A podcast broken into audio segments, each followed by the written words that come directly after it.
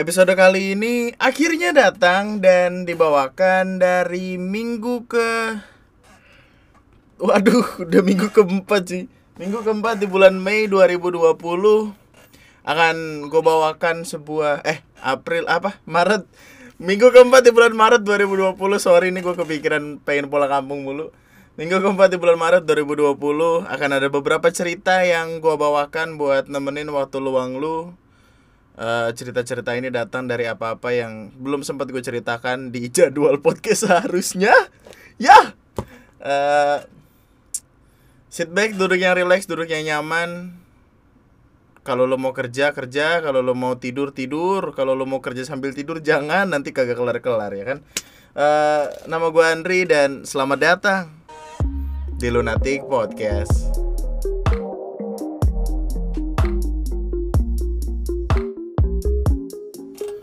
Halo apa kabar semuanya? Uh, Sudah lama tidak berjumpa. Long time no see. Sudah lama tidak lihat laut ya kan? Long time no see. Eh Sudah lama tidak laut ya kan? Long time no see. Bagus. Kurang tapi nggak apa-apa. Uh, Men kangen banget sih. Sudah berapa lama saya tidak mempodcast-podcast Ria sebenarnya ada perasaan berdosa tahu kayak uh, anjing gue podcast live tapi podcast yang biasanya belum diupload sesuai schedule gitu. Uh, biar biar biar gue mulai podcast ini dari cerita ini deh dari cerita Dewa Kipas yang sempat menjadi perbincangan hangat selama beberapa minggu ke belakang yang mana gue juga kayaknya merasa berdosa telah membuat video itu in the first place gitu. Jadi uh, buat lo yang gak ngikutin kasusnya, buat lo yang gak tahu Dewa Kipas itu siapa, Dewa Kipas adalah seorang bapak-bapak yang dulu suka main catur sempat menang di kejuaraan daerah gitu di di mana? Palangkaraya apa? Singkawang. Jauh banget Palangkaraya Singkawang sih. Di Singkawang gitu. E, kemudian Uh, ini ini cerita dari sudut pandang si anaknya ya. Ada anaknya namanya Ali Akbar, kayak Ali, Alinya, Alinya Ali apa? Alinya kita apa sih? Ali temen gua, namanya Ali Akbar, Alinya kita anjing. Uh, jadi intinya Dewa Kipas ini adalah seorang uh, bapak-bapak yang suka main catur gitu. Uh, pernah menang kejuaraan, kemudian dia nemu uh, website main catur yang bisa bareng sama orang-orang namanya chess.com yang mana gue juga kadang kalau lagi bosan main catur gue bakal main di tempat itu. Dan kalah tolong di garis bawahi ya. Dan kalah. Lalu uh, dewa dewa kipas ini ketemu sama salah satu youtuber streamer yang subscribersnya udah ada di angka 700 ribu. Dia adalah international master Gatem Chess atau biasa di atau nama aslinya itu Levi Levi siapa namanya? Eh, Levi aja lah Levi aja gitu. Kayak kayak itunya Shingeki no Kyojin Levi. Uh, terus pada dang menang uh, Gotham Chess merasa kecu apa ada kecurigaan dalam permainan tersebut. Terus uh, akhirnya di report akun Padadang atau Dewa Kipas ini. Dan anaknya ngupload di Facebook. Uh, anaknya ini yakin kalau Pak Dadang nggak ngecit. Tapi setelah pertandingan ngelawan Master Iren yang kemarin ditayangin di oh, channelnya dari Kobuzer yang mana itu berhasil memecahkan rekor live streaming ya at least di Indonesia sih. Gue nggak tahu di tempat mana lagi dengan 1,2 setengah juta kayaknya waktu itu. Peaknya tuh apa angka tertingginya di 1,2 satu juta dua ratus lima puluh ribu penonton live streaming loh even TV aja tuh kayaknya susah banget buat nyentuh angka segitu gitu. Dan Padadang Padadang nama aslinya Dadang Subur btw lupa gue uh, dan Padadang atau Dewa Kipas ini kalah sama de, apa Master Iren. Yang mana ya obviously it's a master gitu. Dulu kan master itu tidak didapat dengan sembarangan. Yang mana baru gue tahu kalau uh, Master Iren ini dulu sempat ngiklanin sosis so nice iya dia dia sempat ngiklanin iklan sosis sonai sama apa game Susanto. Ada lagi pecatur satu lagi. Dan ya gue rasa itulah gitu kunci kesuksesan kemenangan mereka.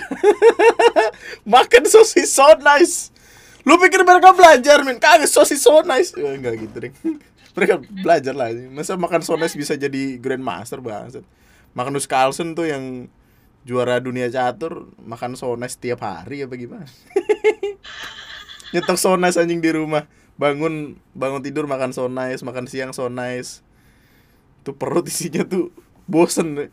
Lambung lambung kayak yang bro nggak ada yang lain bro gitu. Kalau bisa ngomong ngetok ngetok gini ngetok ginjal. Bro ini kasih tahu apa nih? Yang eh. tapi ya intinya gini uh, sederhananya Padadang ini dianggap ngecit karena tingkat akurasi dalam permainan caturnya itu tidak wajar. Akurasi adalah sebuah uh, perhitungan di dasar komputer yang berdasarkan gerakan terbaik yang mungkin bisa dipikirkan oleh komputer tersebut. Jadi kalau misalkan yang komputer mikir ke kanan dan si orang ini mikir ke kanan, akurasinya berarti akan tinggi. Udah gitu, sederhananya gitu. Akurasinya tinggi banget nih. Dan sebagai pembuktian dia harus main untuk ya membuktikan akurasi tersebut. Ternyata ya tidak. Tidak juga gitu. Karena kemarin di pertandingan Padadang sama game Iren itu akurasi Padadang ada di 40 persen. Jauh sekali. Jauh jauh. Soalnya dia di di chess.com itu yang main lawan Levi bahkan dia akurasinya ada di di atas 90 persen gue yakin lu lu tahu perkara ini karena harusnya harusnya lu tahu sih karena perkara ini cukup gede gitu. Cuma ya buat gue sendiri kayaknya harus diudahin aja sih man emang. Kayak terlalu terlalu gimana ya? Jadi kayak terlalu membom dibom apa? Terbombardirkan gitu loh se semua perkara ini makanya gue gue bilang gue minta maaf karena perkara ini jadi gede salah satunya adalah karena video gue ya Allah. Cuman perkara ini di sisi lain itu gua juga pertanyakan karena gue takutnya justru anaknya ini karena dari kemarin tuh anaknya yang dipermasalahkan kan? Anaknya jadi merasa kayak eh orang-orang jadi merasa kayak wah emang anaknya nih yang scripting gitu. Jadi kayak anaknya uh, ngebikin semua perkaranya ada. Yang yang ngebikin landasan itu ada adalah karena dia sempat komen di postingan Facebook orang gitu. Dia bilang kayak uh, intinya itu dia dia dia dapat komen apa lupa gitu. Terus dia ngebahas kayak wah iya nih TV One belum cair terus ini juga belum cair gitu-gitu. Jadi ada perkara uang mungkin dia senang di sana gitu jadi kayak dia numbalin bapak man I don't know. Tapi ketika gue ngeliat pertandingannya pada Padadang sendiri yang lawan game Iren kemarin itu gue nggak tega men. Sumpah asli gue nggak tega. Sedih ngelihatnya tuh kayak bro ini bapak-bapak gitu udah cukup berumur. Dia tiba-tiba ditaruh di sebuah kondisi yang ditekan banget kan berarti itu kena pressure banget gitu. Kenapa kenapa perkaranya jadi melebar ke mana-mana tapi ya gue harap perkaranya cepat selesai sih dan dan harusnya udah selesai.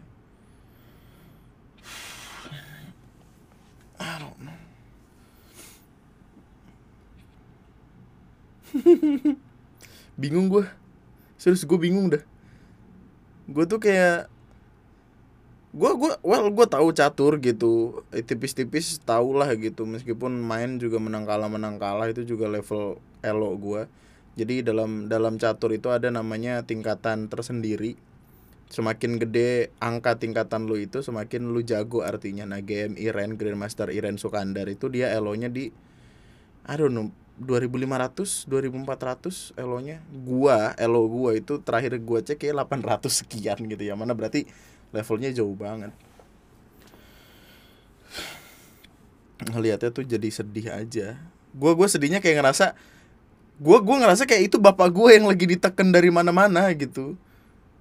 Mana ada beberapa pihak yang yang terlalu apa ya merendahkan gitulah quote and quote merendahkan Padadang gitu. I don't know semoga semoga udah kelar di situ gitu. Kemarin juga pertandingan awalnya kan pertandingan eh, hadiahnya 150 juta yang menang 100 yang kalah 50 kemudian ada tambahan dari some kind of selebgram yang mana gua nggak tahu siapa. Hadiahnya jadi 300 yang menang dapat 200 yang kalah dapat 100 gitu. 100 juta untuk dibawa pulang bisa buat lebaran men.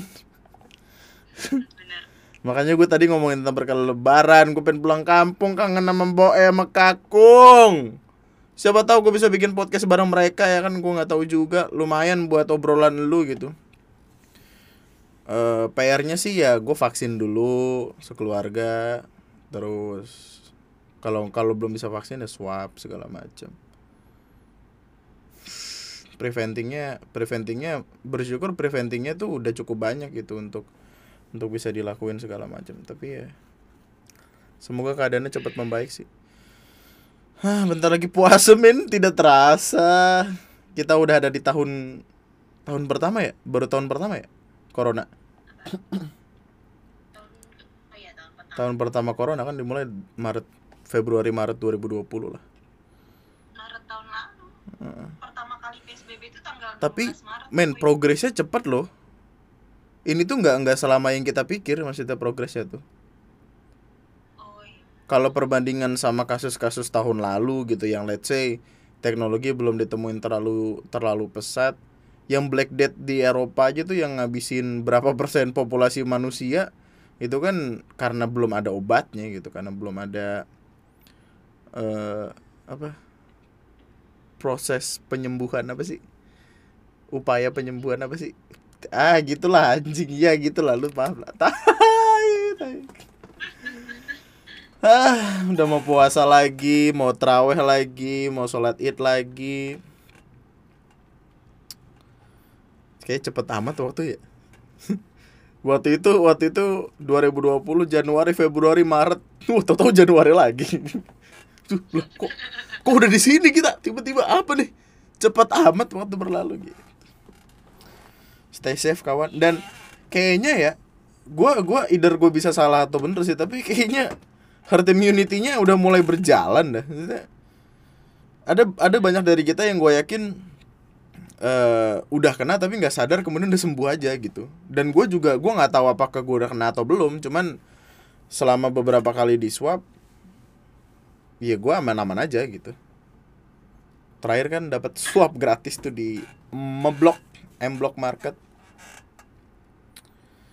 eh jadi itu bridging ya. Jadi kemarin gua ada acara di M Block Market.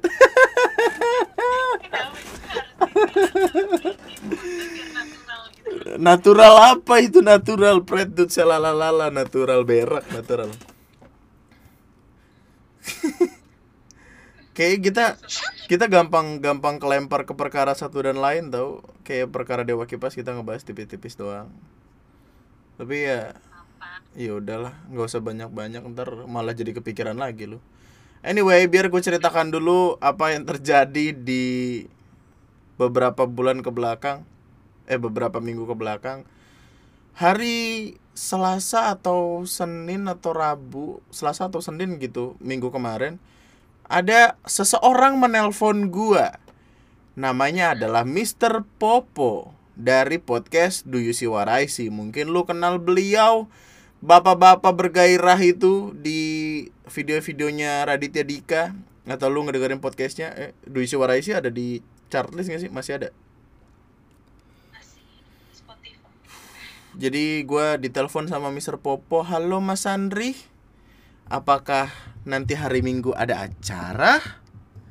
Dengan PD-nya saya menjawab, "Tidak ada. Mau ikut nggak untuk eh, live podcast langsung?" Di M Block gitu. Jadi ada pembukaan M Block Creative Space, M Block Market gitu-gitu buat eh ngepromoin tempatnya juga buat ngerame-ramein. Gua jawab, "Oke, siap." Telepon mati, ada dua yang gue pikirin Pertama, gue harus ada kondangan nama Ara Yang mana gue lupa, terus kira tidak jadi Yang kedua, bangsat apa nih bro Tahun 2019, gue udah ngerencanain buat ketemu sama orang-orang Sama siapa pun yang ngedengerin podcast ini Sama siapa pun lu yang lagi mungkin eh, kenal gua ngikutin gua atau gimana. Gue pengen ngumpul sama lu rame-rame segala macem tapi tidak terlaksana karena adanya corona. Lalu tiba-tiba dihadapkan sama pilihan iya atau enggak dalam suatu hal yang sudah pernah gue rencanakan dan gagal. Seneng tentu karena waktu itu ada ada orang yang yang nyamperin ya. Siapa namanya? Lupa gue Pasha. Pasya iya Pasya soalnya di jokes Pasya ungu ya. Kurang tapi nggak apa-apa. Yuk. Thank you Pasya udah hadir waktu itu. Nah eh akhirnya ya udah gue yain karena gini loh. Dalam hidup ada satu hal yang lebih pen apa ada hal-hal lain yang sama pentingnya kayak pendidikan eh, pola pikir kita sebagai manusia kegigihan dan lain-lain. Yaitu orang dalam. Gue pengen ngebikin relasi gue jadi lebih banyak. Gue pengen kenal sama lebih banyak orang. Gue pengen eh, tahu sudut pandang dunia lewat mata mereka. Eh, dan gue udah kenal cukup banyak orang untuk gue untuk gue senangi ah, gimana sih yang mana gue senang ada di ruang lingkup itu gitu se se YouTube YouTube-nya juga gue kenal sama beberapa orang yang kayak Ray buat trailer, Nap Live, Andika, Fernanda, Dylan Pros, ada dah. Gue udah ajarin main Harvest Moon lagi sama Dylan, terus gue beli di Steam 200 ribu, bagus tuh orang emang. Promonya mantap. Eh, terus di podcast juga gue kenal Stefani dari Suara Puan, ada Dirham, ada Eja dari Lampe Malam sama dari Sudut Suara ken- kenal Mr. Popo gue juga dari situ. Jadi kayak kalau disia-siain tuh apa ya? Kayak itu sama aja kayak nutup diri gue dari kemungkinan-kemungkinan jalan-jalan hebat yang ada di depan sana. Makanya itu juga gue saranin buat lulu semua kalau lu pengen nolak sebuah opportunity yang datang pastiin dulu lu nggak nyesel ketika harusnya ada hal baik terjadi di sana.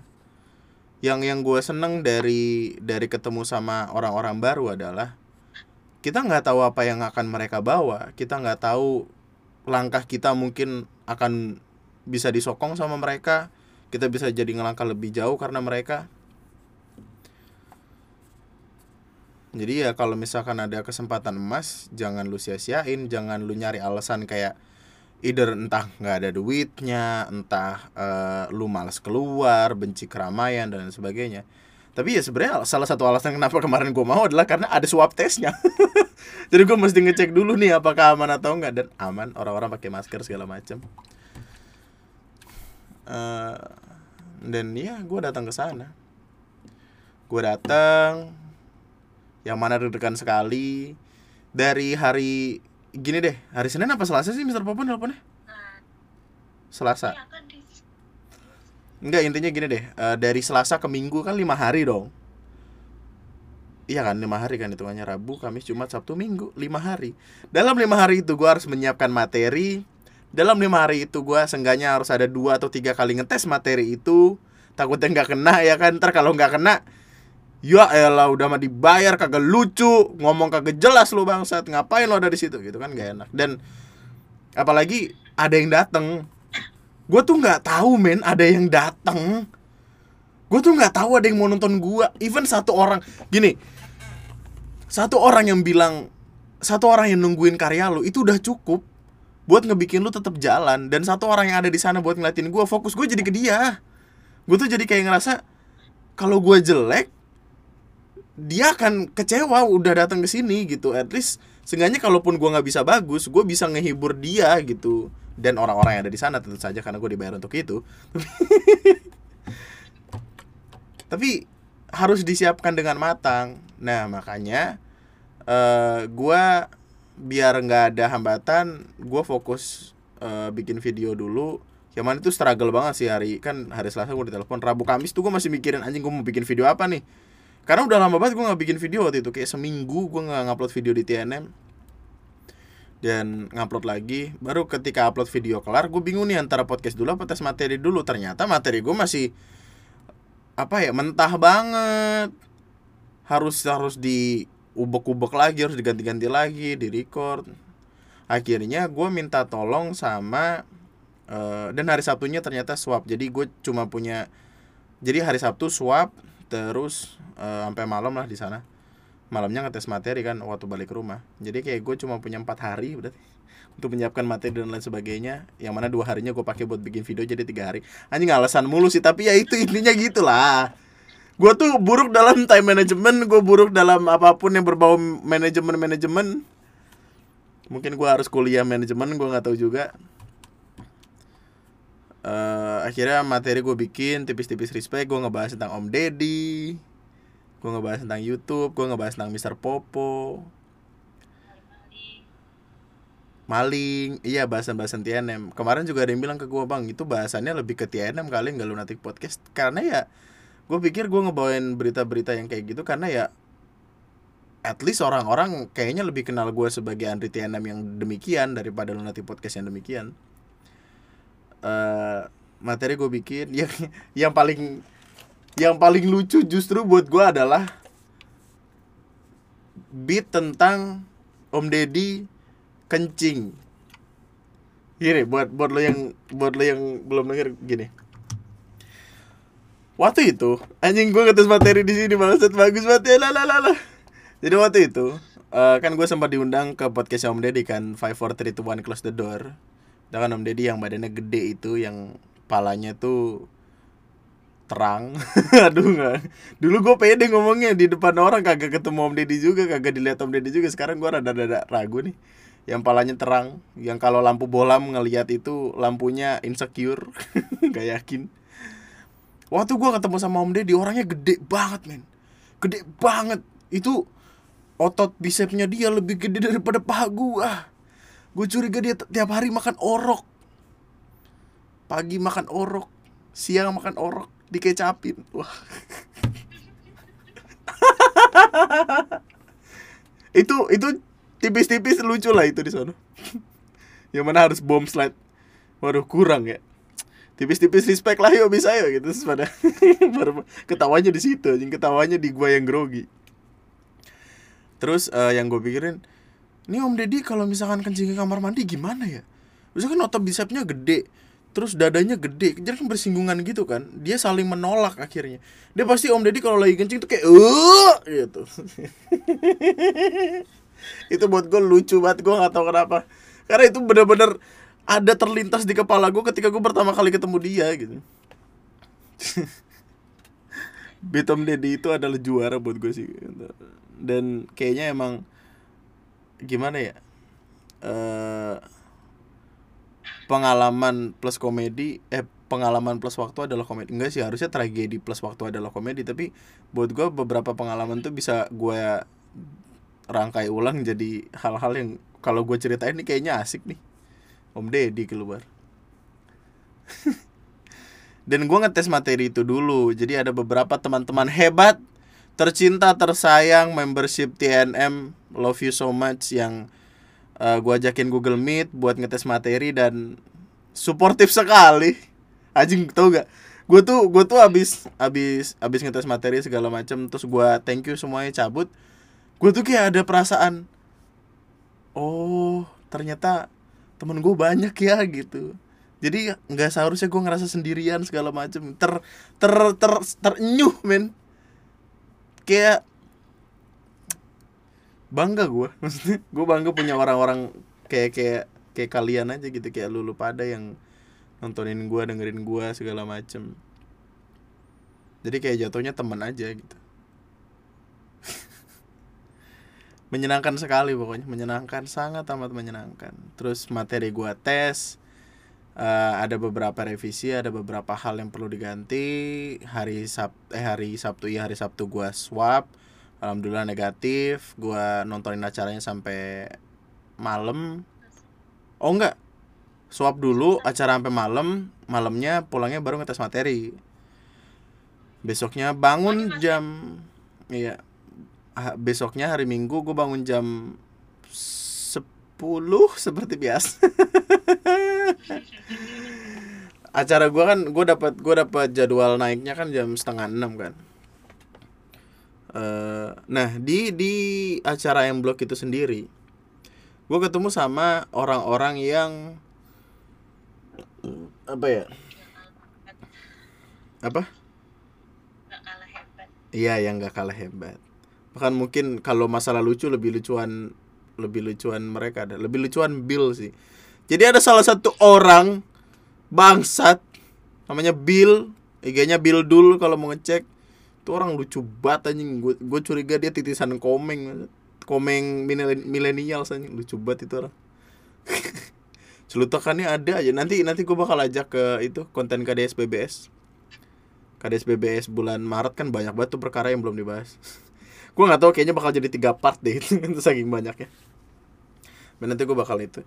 Dan suportif juga. Jadi gue ketemu sama orang-orang yang nggak tahu di sekeliling gue banyak banget orang-orang suportif men. Dan gue gimana ya seneng banget gitu loh. Jadi gue gue ngobrol sama eh, jadi gue gue punya teman dari Lambe Malam. Ada Dirham sama Irfan. Irfan juga baru kenal hari Sabtu itu sih. Dan gue ngobrol sama mereka eh gue gue temenan sama Dirham tuh udah cukup lama karena gue sempet bikin podcast bareng podcast apa namanya Sukarasa ya Sukarasa podcast yang mana sudah tidak jalan. Capek susah timingnya bro. Kita sama-sama sibuk sama dunia masing-masing. Gue aja podcast sendiri kadang lupa. Eh Lambe malam tuh ada Dirham sama Irfan. Irfan temennya. Jadi gue baru ketemu eh, baru ketemu hari Sabtu itu. Terus ada podcast bercakap. Podcast bercakap ya namanya. Dari Instagram tempat bercakap ada Nena ada Ari sama ada Bill. Nena cewek tentu saja. Eh tapi orang belum tahu ya Nena guys Gay Gaisha? Gaisha? Apa sih namanya? Lupa nenek pokoknya ada panggilan nenek dah. Ada Aris ada Bill.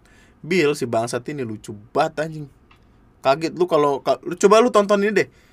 Lu tonton streaming di The Podcasters Indonesia YouTube-nya. Itu ada ada ada tayangannya. Gua kan naik setengah enam. Gua juga ada yang mana ya dari pertengahan ke tengah masih oke dari tengah ke belakang wow wow wow wow wow wow. Abis materi abis materi. Materi gue ternyata cuma 20 menit bangsat. Setelahnya ngeblank bingung mau ngapain. Jangan ditonton gue malu anjing. Awalnya gue awalnya gue ngasih tahu tapi gue minta jangan ditonton. Tapi ya tipis-tipis lah. Oke lah. Nah ketika gue mau naik eh yang yang orang-orang ini tuh kayak kayak kita ada di keadaan yang sama nih. Maksudnya mereka juga bakal ada di panggung yang sama dengan ketakutan yang sama dengan eh apa keraguan apakah gue seru atau enggak gitu. Jadi sama-sama saling support gitu dan ketika udah pada naik udah acara udah selesai bro leganya. Ternyata sesuatu kalau belum dicoba kita nggak akan tahu dan itu baru baru setelah sekian lama akhirnya gue ngerasain lagi gitu gue gue belum pernah ada di titik itu loh. Maksudnya sedek-dekannya gue dalam beberapa tahun terakhir kayaknya baru itu deh yang bikin gue kayak apa ya? Pengen jadi tumbuh-tumbuhan tuh gue pengen jadi ini apa janda bolong ya, biar tinggal disiram aja. Gue nggak perlu ngapa-ngapain nggak perlu naik panggung. Naik panggung juga paling diem ya. Goyang-goyang ketiup angin gitu. Jadi tanaman aja jadi tanaman jadi putri malu. Kalau dia pegang kuncup elunya.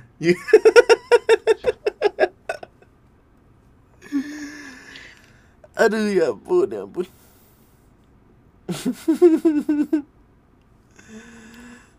Aduh.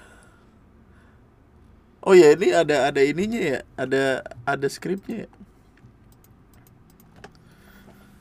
pas sudah mau naik panggung appreciate ada orang yang datang buat nonton latih podcast. Namanya Pasya. Shout out to Pasya. Thank you so much. Dia datang dari dari mana ya? Pasar minggu apa kalau gua nggak salah?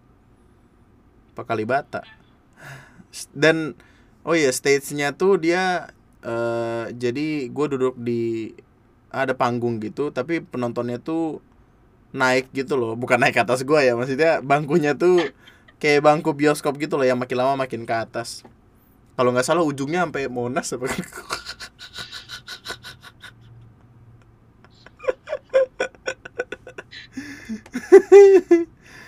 dan bener bener lampunya terang banget. Lampunya tuh kayak kan lampu sorot gitu ya lampu sorot tapi biasnya gede gitu. Jadi lampu tembak iya. Tahu-tahu mati. Wah. waduh. Gitu doang anjing lampunya tuh terang banget. Jadi gua ngeliatin orang tuh rada susah. Makanya lu kalau ngeliat videonya paling ngeliatin gua ke bawah doang mata gua ke bawah gitu. Nyari nyari ini duit jatuh. Nyari kiong. Yang yang berasa banget adalah ketika gue pertama kali mau naik ya tuh deg-degannya setengah mati. Gue mempertanyakan kenapa gue ada di sini. Gue mempertanyakan kenapa gue iyain. Tapi waktu udah turun bro beban kayak kayak kayak lu lagi mules banget nih di sebuah tempat tiba-tiba ketemu tanah yang habis digali nah gitu jadi lega banget gitu sekarang PR-nya adalah tinggal ngubur ngubur tai enggak deh Kayak lu lagi di sebuah tempat antah barantah tiba-tiba ada toilet gitu. Terus lu kayak lu keluarkan semuanya terus lu lega gitu. Seneng sih. Seneng banget itu. Dan thank you so much buat lu lu pada yang masih setia dengerin karena dengan dengan tanpa adanya lu lu semua kayaknya gua nggak bakal ada di tempat itu. Gua nggak bakal bisa ngerasain deg-degan se sehebat itu. Menyenangkan banget. Terima kasih buat orang-orang yang udah support podcast ini. Gue. gue sedih banget. Bukan sedih gimana ya? At some point of time eh, lu bakal sadar kalau lu tuh nggak sendiri gitu. Lu bakal sadar kalau lu tuh dikelilingi sama orang-orang hebat. Cuma lu memilih buat ngelihatnya ke depan doang. Lu ngelihat di kanan kiri belakang lupa. Sampai akhirnya ada di sebuah kondisi yang ngarusin lu buat look at your surround- surrounding. Itu apa? Makanan Jawa kan? Surrounding. Runda. surrounding dong lagi. sedih surrounding. Dan kita harusnya tinggal minta tolong sama mereka. Kadang kita lupa kalau ada orang-orang hebat yang selalu ngedukung kita dari belakang. Kadang kita lupa kalau kita sebenarnya nggak ada di jalan ini sendirian gitu. Kadang kita dipegangin nih sama orang cuman kita nggak sadar karena kita mungkin brengsek mungkin terlalu ignorance mungkin terlalu nggak peduli sama dunia. Lu cuma butuh buat sadar aja dan entah kenapa gue seneng banget gitu loh. Dari dari setiap step hidup yang gua injekin gitu gue tuh udah ada di titik di mana gua ngerasa oke gue di sini gue senang di sini. Meskipun kadang stres stresnya juga karena gue sendiri sih malas goblok. Tapi di setiap step hidup gua gue tuh jarang banget buat ngelihat ke kiri kanan gitu. Makanya waktu itu gue sempat bikin podcast yang yang ngebahas sama antara adik gua nyokap gua yang adik gua tangannya luka terus kemudian gua panik sendiri terus gue baru sadar kalau gua kurang merhatiin mereka yang padahal gue cabut dari kerjaan supaya bisa lebih dekat sama mereka. Dan titik-titik kayak gitu kadang gue suka lupa. Ini tuh kayak apa ya kayak di sebuah masa di mana lu lagi ada masalah tapi lu baru inget Tuhan gitu. Ya. Gue baru inget kalau gue punya orang-orang hebat yang bisa ngedukung gue dari belakang. Makanya gue sempat bilang kayak di twitter gue sempat bilang kayaknya mulai sekarang gue mau lebih aktif socialize sama orang deh. Dan gue seneng men. Maksudnya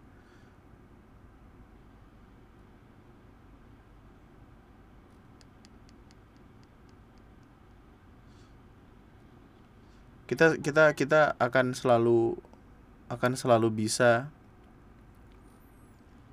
akan selalu punya tempat di tengah orang-orang yang yang ngedukung kita gitu.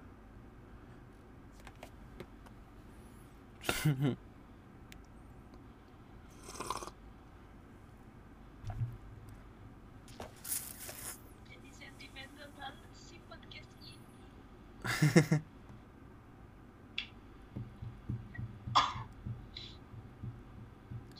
Kita butuh buat ada di sebuah titik tertentu buat sadar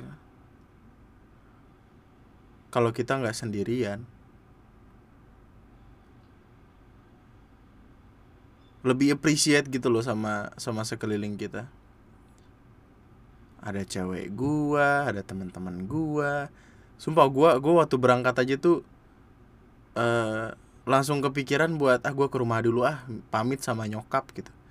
Terus gue gue tuh bisa harusnya maksudnya gue biasanya juga kalau cabut ya udah langsung pergi pergi aja gitu. Tapi kan dari rumah ke kontrakan eh, ya lima menit jalan kaki lah. Terus gue mutusin buat yaudah gue balik dulu deh gitu. Terus ngasih coklat ke adik gue ngasih duit. Terus gue apa nyokap gue gue peluk terus gue cium gitu. Maksudnya at some point of time dalam hidup lu harus ada harus ada bumbu-bumbu yang ngebikin makanannya jadi lebih enak buat di buat dirasain nih. Buat ngebantuin supaya lu bisa jadi lebih enak dan nyaman ngerasainnya. Gua gua kan gua kan jarang nunjukin afeksi ya orangnya. Maksudnya gua orangnya lempeng-lempeng aja gitu. Gue juga udah bisa nebak kalau misalkan tiba-tiba gue punya istri terus istri gue bilang kalau dia hamil ya paling gue bakal ngeliatin dia terus "I- ya udah gitu selamat ya gitu. Tapi kan ini anak kamu. "I- iya selamat aja gitu kan. Kita gue gue akan lempeng-lempeng aja gitu. Gue nggak akan yang gimana-gimana banget. Tapi ketika ketika gue balik ke rumah terus ketika gue meluk nyokap terus gue cium nyokap tuh nggak bisa mesti gimana ya? Karena mungkin karena jarang ngerasain afeksi dari gue nyokap tuh kayak se- setiap kali kayak gitu langsung nangis gitu loh gue tuh dari dari arah rumah jalan ke harapan indah. Ya allah kembeng gue gue baru sadar anjing gue durhaka banget jadi anak.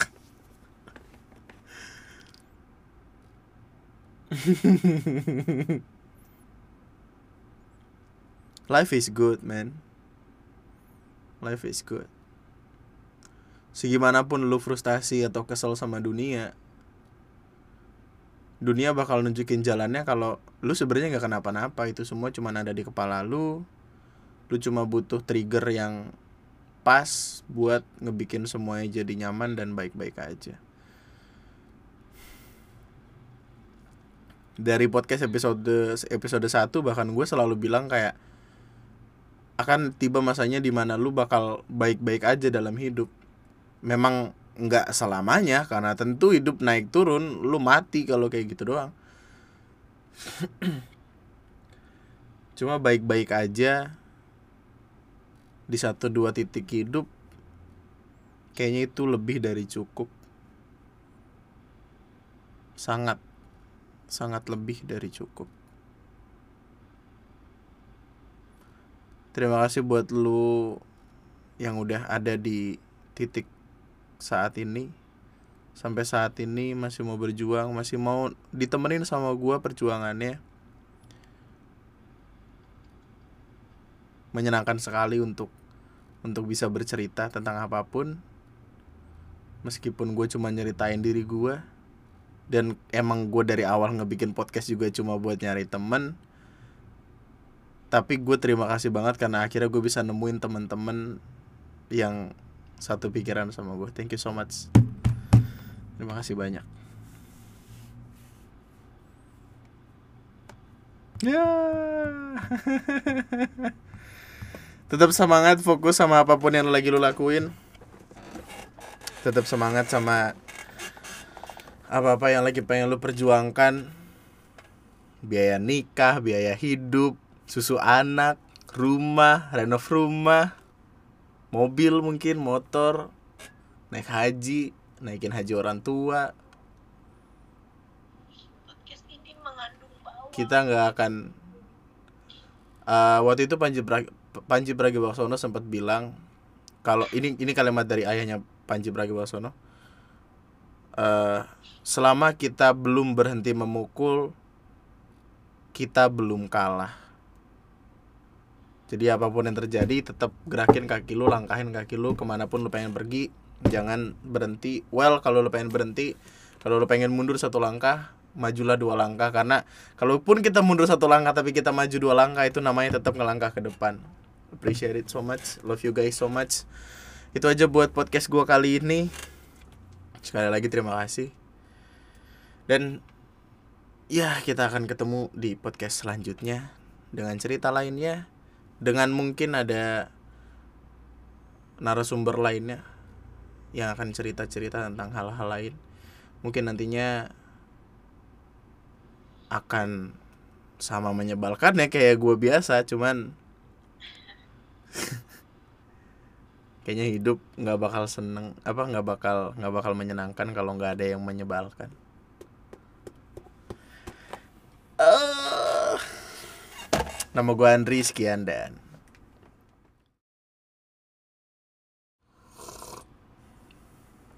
Kenapa jadi di luar skrip banget sih saya? Aku kan bikinnya nggak kayak gitu.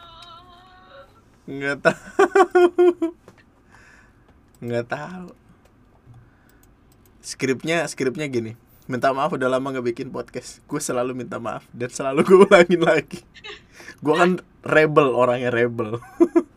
Sedikit highlight tentang dewa kipas. Ya. Hari sabtu minggu lalu sesekali malam mingguan ajak makan sama mama dan adik di luar. Oh iya gue gue makan sama nyokap sama adik gue di ada tempat makan gitu dekat rumah. Enak cuman ya tempatnya tipis-tipis respect. Senin collab podcast sama Bang Baris kalian promosiin podcast. Oh iya gue eh, ngobrol sama Barry William dan Yuda Brajamusti abang-abang tercinta di podcast Senin Kemis. Lu bisa dengerin aja podcastnya. Eh, PSK podcast Senin Kemis. Udah naik eh, ada di story gue waktu eh gue udah sempet naikin ke story. Hmm, di telepon Mr. Popo jelasin yang blog beli mic buat tes materi. Oh ya gue beli mic anjing yang ada speaker yang bluetooth tau gak yang halo saru saru. Kita panggilkan ini dia so nah wah gitu. Tapi ya udah. Sonata cok Eh iya buat ini pesan terakhir dari penulis skrip tercinta. Datang ke M-Block karena M-Block sudah menjadi salah satu tempat yang akan selalu gue inget sepanjang karir gue nantinya ke depannya sepanjang hidup gue ketika gue udah kakek nenek mungkin gue akan jelasin ke cu ke M-Block cu datang ke M-Block meskipun wow harga harganya sangat fantastis tapi tempatnya bagus. Tempatnya bagus. Dan gue diomelin berkali-kali. Pertama kali gara-gara dirham si bangsat ngerokok di lantai dua tapi di dalam jadi diomelin. Terus gue manjat apa gue duduk di atas tembok gitu dekat smoking area. Terus gue diomelin sama security sudah turun.